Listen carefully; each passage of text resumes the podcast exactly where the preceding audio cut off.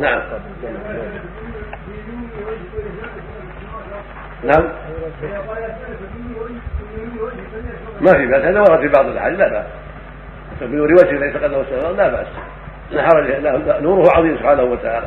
به أثقت الدنيا جل وعلا